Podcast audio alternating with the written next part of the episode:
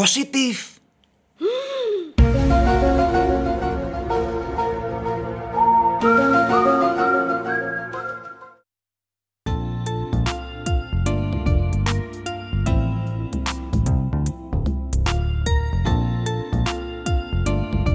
Kamu lagi dengerin podcast Love Revolution.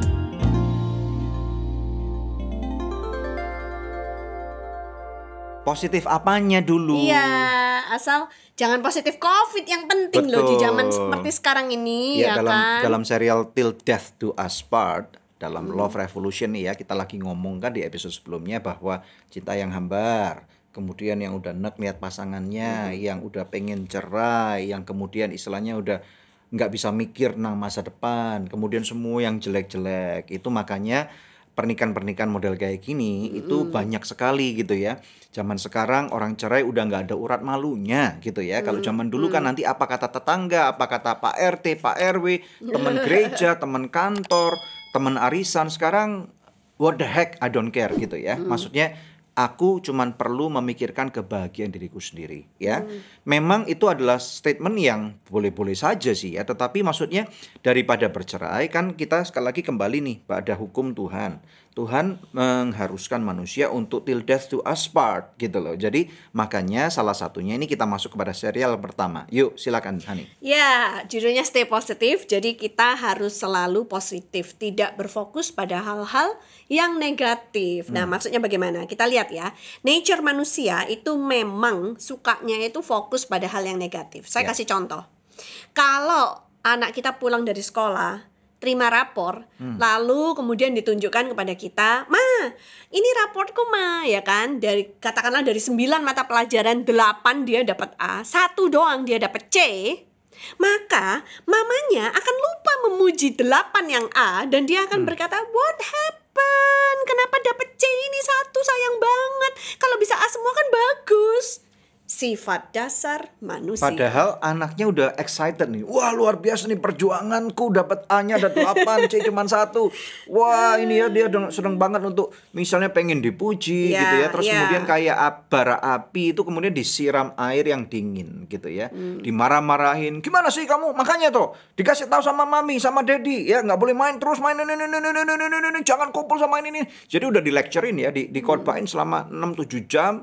Jadi akhirnya anak Lemes. ngomong gitu loh ya. Lemes, Nah, ya. bisa dibayangin juga dengan pasangan suami istri yang masing-masing pasti nggak mungkin sempurna. Ya, aku sempurnanya sih. Ya enggak lah, aku juga nggak sempurna. Betul, kita bukan ya. manusia yang sempurna. Nah, kita harus ngakui dulu kita nggak sempurna. Ya. Kita masing-masing punya kesalahan. Betul. Ya, jadi pada waktu eh, diri kita memang bersalah atau pasangan kita salah ya, lebih cenderung kita memang tadi ngelihat negatif. Nah, yang harus kita lakukan adalah jangan kalau misalnya mau marah nih ya, boleh nggak kita marah? Boleh. Karena kenapa kok boleh? Kan Manusiawi itu udah pernah dijelasin. Udah jelasin ya, itu ekspresi ya. Nah, Iya. tetapi harus localize. Jangan sampai kemudian kita itu berterus marah gitu ya. berkelanjutan, berlarut-larut. memelin gitu ya sehingga istilahnya orang lelah banget, capek, istilahnya merasa I'm terrorized gitu ya. Aku diteror ini. Sama Gitu. suaminya sendiri sama atau suami, istrinya sendiri. Sama istri, sama orang tua gitu ya. Itu, Itu, akan kayak tinggal dalam neraka. Nah, itu makanya. Jadi Iya. kita harus sang- eh, sadari hal ini. Nah, Terus- kita harus ingat bahwa setiap orang itu pasti punya kelemahan, Mhm. termasuk diri kita gitu ya. Ya. Nah, kalau kita bertemu terus, tinggal bareng sama suami atau Yes. istri kita, pasti kan kelihatan semua tuh yang jelek-jeleknya ya kan. Itu Mhm. akan membuat kita hafal semua tabiatnya dia gitu kan. Ya. Baik yang negatif maupun yang positif. Gak mungkin juga orang cuma negatif doang. Pasti Yes. loh ada positifnya ya Salah kan. satunya yang paling gampang diingat itu apa? Apa? Kalau dulu pacaran, kalau mau kentut ditahan. Betul nggak? ya kan? Terus Terus? empat-empat gitu ya, apalagi kamar kalau- mandi dulu. Eh, keluar dulu sungkan gitu ya. Apalagi Terus? kalau misalnya bau, uh, uh. kalau sekarang udah me- menikah, pret. Masa ada orang yang pernah nanya gini, ih cantik-cantik kentut loh. Emang orang cantik nggak bisa kentut itu tempat pembuangan gas. Atau kadang-kadang Aduh. dus gitu. Atau kadang-kadang Ini kita bau nih- apa kok Eh, baunya kita kayak ini ngomongin apa kok jadi ngomongin kentut sih? Ah, ayo, ayo, ayo. Ya memang kentut itu memang unik gitu bisa membuat orang ketawa.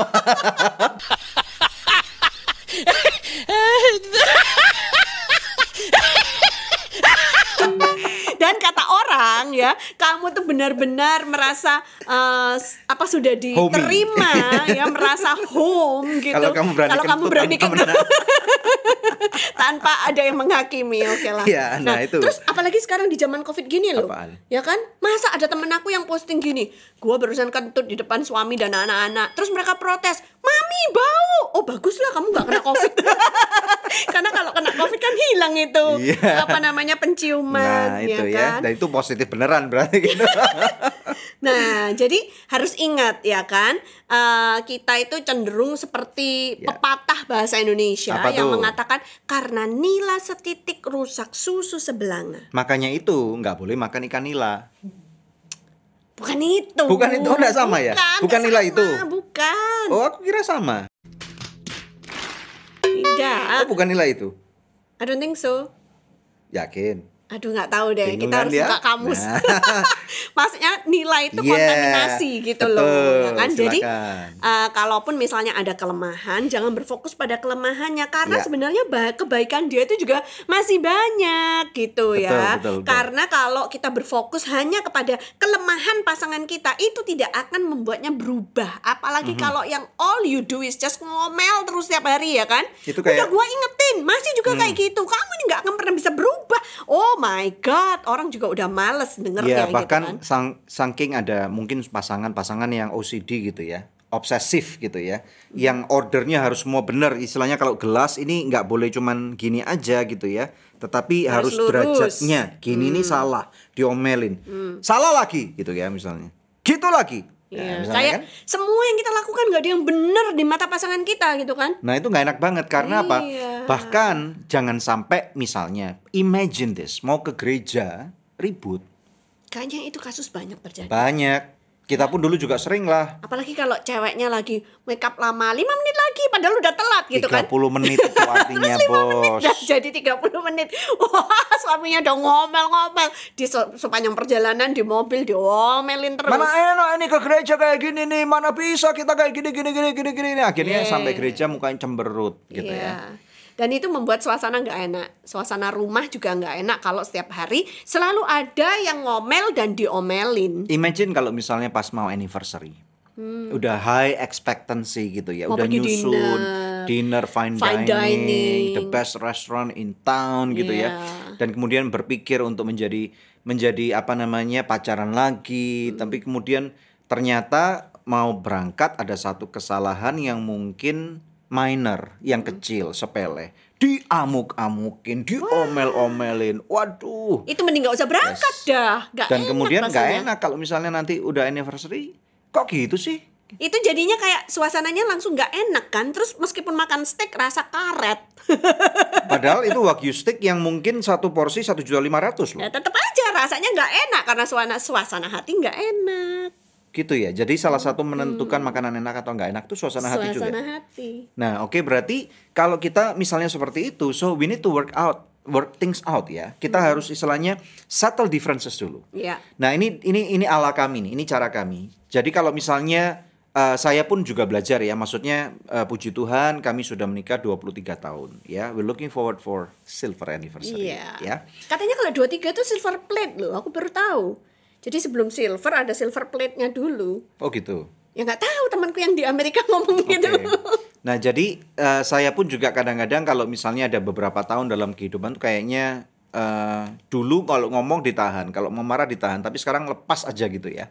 Nah, kita harus belajar juga untuk koreksi bahwa istilahnya ya sudahlah. Maksudnya nggak semua ini tatanan kayak tadi ini gelas atau tutup pintu selama nggak istilahnya nggak membahayakan nyawa. Secara istilahnya nggak nggak bahkan istilahnya itu nggak sesuatu yang yang eh, apa ya yang mendasar banget udahlah forget it gitu loh. Maksudnya itu eh, ada satu kata-kata yang yang sangat bijak. As long as it is up to you seek peace with others Ya, jadi selama ini terserah pada bagian kamu yang kamu bisa mainkan, carilah perdamaian dengan orang lain dan orang lain ini adalah your better half, suami atau istri kamu atau anak kamu atau orang tua kamu udah deh, drop it gitu loh. Jangan gara-gara uh, mencet odol dari belakang atau dari tengah, lalu itu menjadi alasan untuk bercerai. Aneh banget kan gitu ya. Betul. Atau uh, tisu ya kan, eh, naruhnya yang ditarik ke bawah atau ditarik ke atas Betul, itu betul. janganlah menjadi hal-hal yang kemudian membuat suasana rumah, suasana hati kita itu nggak enak. Terus nah, apa lagi? ini ada tipsnya, ya kan? Eh, ketika kita cenderung untuk melihat kelemahan lalu ngomel, misalnya tuh misalnya, misalnya aja James gitu kan. Kadang James kalau udah eh, main game saking enjoynya, terus dia kalau diajak ngomong itu nggak denger gitu kan? Hmm. Karena ini udah pernah kita bahas ya, apalagi laki-laki ya, fokus pada apa yang dia lakukan sehingga pendengarannya menurun gitu. Budek. Jadi ini ini ini rupanya kita para para Terjadi suami pula pada papanya, bukan cuma James harus tahu doang. gitu ya. Jadi ini memang an- salah satu anatomi tubuh laki-laki gitu ya pada waktu fokus dan ini terjadi karena apa? Eh, hipokampus kita itu lebih kecil dan ada bagian struktur otak itu yang memang lebih kecil dibandingkan dengan wanita sehingga harus di eh, istilahnya tidak bisa dipungkiri guys bahwa kita berpikir laki-laki itu multitasking tetapi padahal laki-laki itu less multitasking daripada perempuan. Iya. Dan laki-laki pada waktu fokus akibatnya dia telinganya ini somehow syarafnya itu menutup sehingga dia tidak bisa mendengar banyak hal karena require attention untuk mengerti, menganalisa, mempelajari RPM-nya lagi tinggi dan istrinya dari balik ngomong dia nggak bukannya nggak sengaja, bukannya sengaja untuk tidak mendengarkan tapi dia memang secara natur tidak dengar, mendengarkan. Ya, nah, ta- tapi saya mau lanjut ceritanya ya kan. Eh, daripada ngomelin James, James kamu tuh yang memang selalu gitu. Kalau dipanggil mami nggak pernah Coba lebih denger, tinggi, gitu tinggi, kan? lebih tinggi. Udah itu udah Coba tinggi. coba coba naik satu lagi oktav, satu oktav. Coba coba coba. Awas kamu ya James ya kamu lupa pada siapa yang hamil. Coba. Pada siapa yang gembol Satu- kamu 9 satu bulan lagi. lalu yang Satu oktav melahirkan lagi. Kamu. on, Nggak boleh jadi anak kurang Satu ajar. oktav lagi. Aduh udah lah. Ngos-ngosan gua.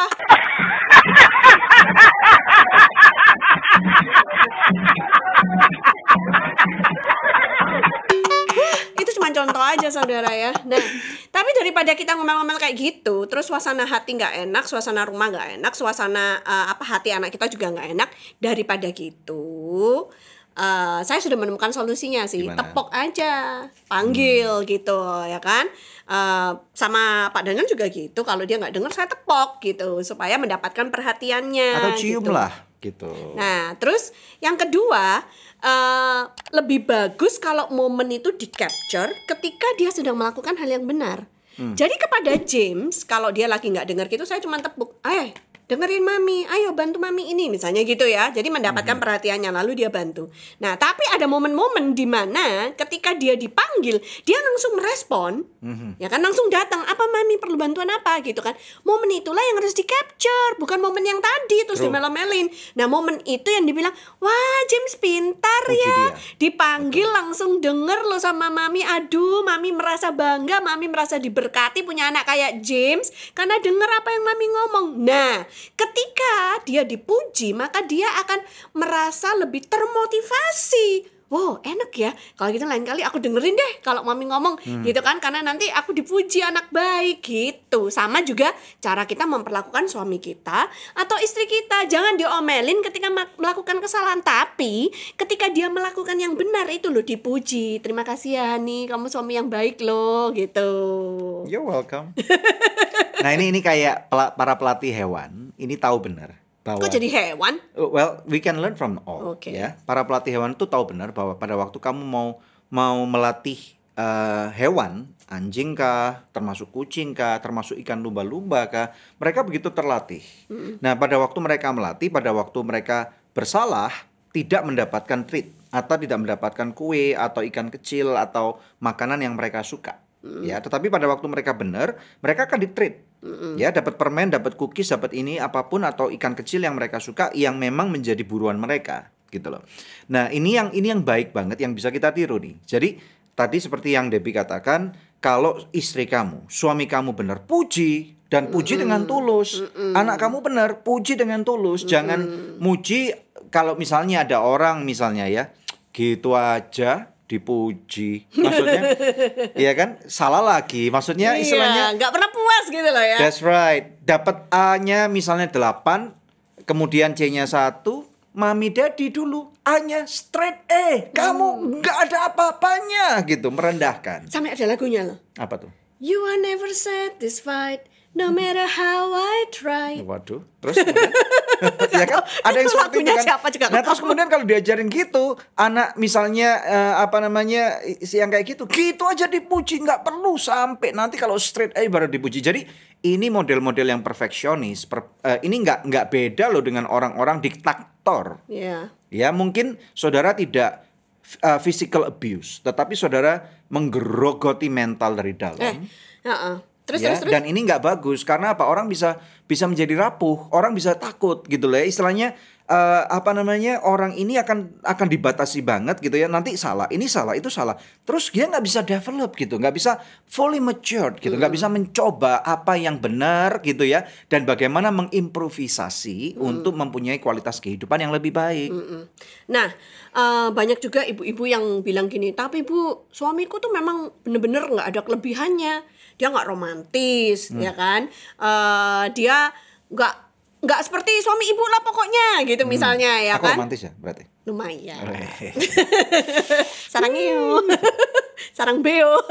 padahal Ya dulu kan? enggak lah ya juga. Nah, terus eh eh, terus pokoknya banyak lah yang dikomplainkan sama ibu-ibu tentang suami mereka gitu kan ya. Terus saya bilang loh, masa sih nggak ada satupun yang bisa kamu puji dari suamimu? Misal dia pulang kerja capek tuh badannya, bisa kan kamu bilang terima kasih ya suamiku, kamu sudah bekerja dengan baik untuk keluarga ini, pijetin dia ya kan loh, itu loh. Jadi fokus pada apa yang menjadi kelebihannya. Iya bu, tapi yang dibawa pulang pun duitnya juga nggak cukup. Ya repot memang ya. Gitu. Padahal suaminya nggak punya simpanan, suaminya tuh kerjanya lempeng, Iya. tapi itu pun masih kurang dihargai sama Betul. istrinya. Nah itu nggak boleh. Ya, karena orang juga bisa merasa capek. Kalau kamu tidak pernah memberikan pujian, yang kamu lakukan adalah ngomel terus seperti karet. Kalau ditarik terus menerus terus menerus terus menerus, suatu saat dia akan snap Putus. putus. dan nggak ada obatnya. Ya, jadi ada hari-hari ini banyak juga pasangan yang kalau misalnya bercerai itu karena irreconcilable differences, karena perbedaan yang tidak bisa disatukan lagi. Ini yang karet yang seperti tarik, stretch sampai to the point of snap, putus gitu ya. Nah, berarti dari sini kita harusnya menyadari bahwa satu, tidak semua orang sempurna, betul kan ya? Yang kedua, kalau misalnya dia tidak sempurna, dia bisa melakukan kesalahan. Sebaliknya, kalau kita pakai POV, apa tuh POV itu? Gak tahu. Nggak tahu ya? Itu populer loh, trending topik kalau diketik POV. Apa, tuh Apa? P- POV? Apa tuh? Point of view. Point of view. Jadi zaman sekarang itu di TikTok atau di reelnya Instagram itu ada ada feed-feed yang adalah POV gitu loh. Jadi misalnya dari handphone ini kemudian eh, apa namanya aku melakukan sesuatu dan kemudian istilahnya perjalanan direkam itu namanya POV. Oke. Jadi dari POV-nya istri kamu atau POV-nya suami kamu, pasangan hidup kamu yang selama ini kamu nyinyirin, kamu benci, kamu nggak suka, bagaimana tinggal kita? Ya, jadi jadikan POV point of view mereka itu sebagai kita berpikir, what would they think of me? Ya, aku udah salahku di mana juga gitu. Jadi kita bisa mawas diri bahwa kita juga banyak mengambil porsi yang sama besarnya dalam mengambil kesalahan-kesalahan itu sebenarnya. Lalu gimana? nih? Nah, jadi kita mesti berhati-hati. Apalagi Ya. kalau misalkan nih, kayak tadi yang udah dibilang, mau celebrate anniversary malah berantem gitu Ya. kan. Atau kita lagi pergi liburan keluarga malah berantem. Jangan dipikir kalau orang pergi liburan itu pasti happy. Belum, Belum tentu. Kami itu pernah pergi ke Disneyland dan saya tuh melihat dengan mata kepala saya sendiri. Ada anak-anak yang nangis-nangis di Disneyland karena Mm-mm, dimarahin dimarahin. orang tuanya. Mungkin betul. mereka minta sesuatu beli mainan atau Mahal. apa nggak diturutin sama orang tuanya juga. Terus mereka nangis-nangis gitu kan siapa bilang Disneyland is the happiest place on earth Mhm. ternyata ada kok anak-anak yang nangis di Disneyland Betul. Jadi istilahnya kalau misalnya mau pergi seperti itu, yuk kita antisipasi dulu. Bagaimana caranya kita buat rule of thumb. Yuk kita mau liburan nih selama seminggu misalnya ke puncak, ke misalnya ke Bali, ke Medan, liburan ke Jakarta mungkin ya. Ya. Staycation dong. Staycation misalnya. Yuk kita buat rule of thumb. Bagaimana supaya kita Iya, nggak ribut. ya. benar. Nah Karena- ini ini biasa kita lakukan itu. Iya, karena kan eh, saya sama Pastor Daniel udah janjian tuh. Ini mau pergi mau pergi keluar duit harus happy. Ya Ya kan? kalau saya tipenya bangun pagi, maksudnya itu rugi banget kalau pergi ke suatu kota yang baru atau negara yang baru yang full dengan excitement. Pagi-pagi itu nggak bisa ke mana-mana, nggak bisa nikmatin breakfast di pinggir jalan atau di bawah suatu menara tertentu, menara Eiffel atau gitu ya. Sedangkan anak-anak biasanya jam 9 masih, "Ah, masih capek, malas Iya, gitu ya. Karena pulangnya malam gitu kan. Jadi ya kadang-kadang diperlukan fleksibilitas juga dalam mengatur eh, jadwal kita. Dan Betul. terus akhirnya dulu tuh sudah sering ribut kalau pergi liburan karena gitu dia nuntutnya kita harus bangun pagi. Sedangkan eh, anak-anak atau saya juga merasa capek gitu kan. Apalagi kalau ganti-ganti dari satu kota ke kota yang lainnya. Iya. Akhirnya kita mencapai satu kesepakatan. Kadang-kadang eh, misalnya liburannya seminggu. Nah di antara tujuh hari itu, apalagi kalau ganti kota, alangkah baiknya kalau kita relax dulu satu hari, dulu, nggak ngapa-ngapain tapi menikmati Yes, hotelnya. menikmati hotel, bangun sesiang mungkin dan relax gitu ya. Paling cuma makan pagi sebentar, kemudian lihat sampai anak-anak merasa siap. Berenang, iya. Yes, memang bisa. Kita memang bisa. Dan saya, like I said, saya pun harus mau belajar karena saya juga bukan orang yang sempurna gitu ya. Sehingga pada waktu saya bisa belajar mengantisipasi dan mengerti kondisi ini, akhirnya mereka pun menyadari, oke kita gantian ya, besok sekarang kita bangun pagi. Ya. And they work on it gitu ya. Ya. Jadi karena apa? Karena eh, apa namanya liburan ini juga nggak murah, liburan Iya. mahal dan mereka harus mengerti dan orang tua harus menyadari bahwa kalau kamu rela, udah deh, nggak usah diungkit-ungkit, jangan sampai dulu ya kamu dilahirkan oleh papa mama, kamu kurang ajar sekarang nenek nenek nenek nenek, kamu sudah dibeliin motor, dibeliin mobil nah, itu itu capek banget se- sehingga Iya. ah, akhirnya anak akan menutup telinga. Ya, jadi kalau mau love revolution terjadi dalam keluargamu, Ya. libatkan Tuhan, ya berdoa kepada Tuhan, minta Tuhan untuk rubah hati kita. Right. Nomor satu, supaya kita menyadari bahwa diri sendiri juga tidak sempurna, Mhm. dan kalau menyadari bahwa diri sendiri punya banyak kelemahan, kita harus bersedia untuk berubah, bukan menuntut orang lain untuk berubah. Kalau setiap anggota keluarga kita menyadari dirinya Ya. punya kelemahan dan berusaha untuk berubah, wah itu luar biasa. Luar biasa. Ya, poin Jadi- yang kedua, supaya kita bisa melihat kelebihan pasangan kita dan anggota keluarga kita yang lainnya. Meskipun sederhana, kita harus bisa menghargai kelebihan-kelebihan mereka, Betul. ya. Yang ketiga, hargai perubahan yang yang terjadi yang sedang diupayakan. Kalau ada Ya. orang yang berusaha berubah, kita harus puji Yes. perubahan dia. That's right ya dan kemudian intinya pada segmen ini adalah don't give up. Ya. Karena pada waktu kamu menyerah kamu tidak akan melihat ada possibilities possibilities hari-hari yang indah, ada restorasi percaya deh sesuatu yang dipulihkan itu akan jauh lebih indah daripada memulai pernikahan yang baru ya. Ya. Nanti pernikahan yang baru kamu mulai mungkin menggebu-gebu dua tahun tiga tahun juga sama siklusnya akan begitu lagi. Jadi Ya. daripada gitu never give up Never give up. on each other. Ya, Yes. kalau Anda fokus hanya kepada kelemahan, keluargamu akan menjadi keluarga yang lemah. Tapi kalau Anda fokus kepada kelebihan, keluargamu akan menjadi keluarga yang berkelebihan. Yuk bersama-sama kita nggak give up. Di luar sana ada banyak orang-orang yang eh, keluarganya lagi rapuh. Kalau kamu tahu ada orang-orang seperti itu, eh, langsung forward episode ini supaya mereka bisa eh, dibantu. Ya mungkin kami nggak kenal mereka, mereka nggak tahu episode ini, tapi melalui kalian duta-duta daripada Love Revolutioner, ya Pejuang cinta. pejuang cinta, ya. Semangat. Jadi kita semangat, kita mau uh, membantu orang lain. Ada instrumen-instrumen yang sudah kami siapkan seperti ini. Anda tinggal forward aja dan supaya bisa menjadi uh, jalan keluar atau berkat buat mereka semua. Ya, Love Revolution. Karena cinta perlu perjuangan dan tindakan nyata. Nanti kita akan jumpa pada episode berikutnya, pada poin berikutnya. Ciao. Ciao.